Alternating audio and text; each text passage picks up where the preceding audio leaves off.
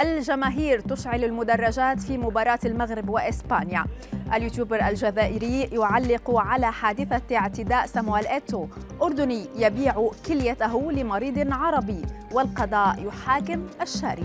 أبرز أخبار الساعة الأربع والعشرين الماضية في دقيقتين على العربية بودكاست. نبدأ من الحدث الكروي الأبرز الذي يتابعه الملايين وهو مباراة المغرب وإسبانيا ضمن منافسات الدوري ثمن النهائي. حيث أشعلت الجماهير المغربية مدرجات استاد المدينة التعليمية لدعم أسود الأطلس.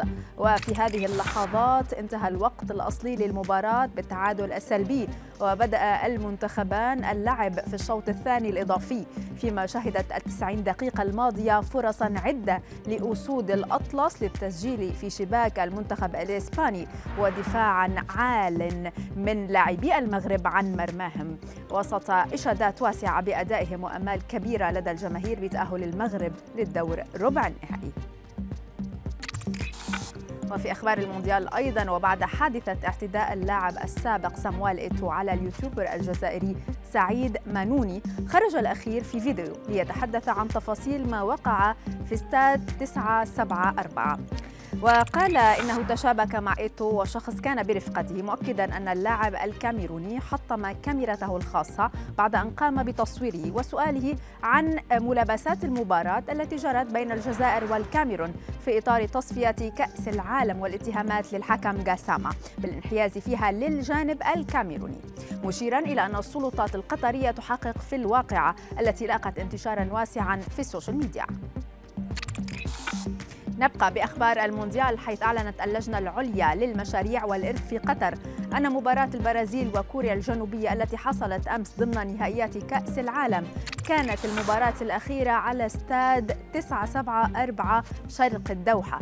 اللجنة أوضحت أنه سيتم تفكيك الملعب بالكامل والتبرع به لإحدى الدول التي لم يتم الكشف عنها حتى الآن فيما يعد هذا الاستاد الذي يحمل رقم مفتاح الاتصال الدولي الخاص بدولة قطر. يعد أول ملعب قابل للتفكيك بالكامل في تاريخ كأس العالم كما أنه يتسع لأكثر من 40 ألف متفرج.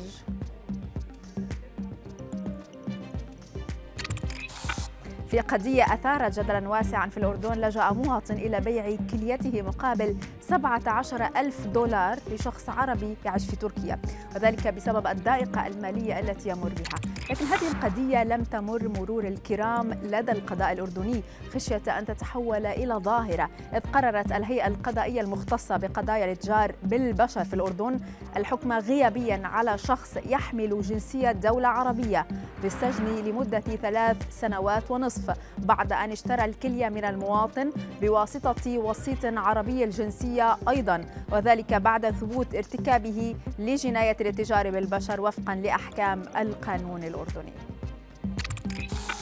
وفي خبرنا الأخير بدأت ماكينة صرف آلي في بيع عملات ذهبية عبر البطاقات المصرفية في مدينة حيدر أباد الهندية.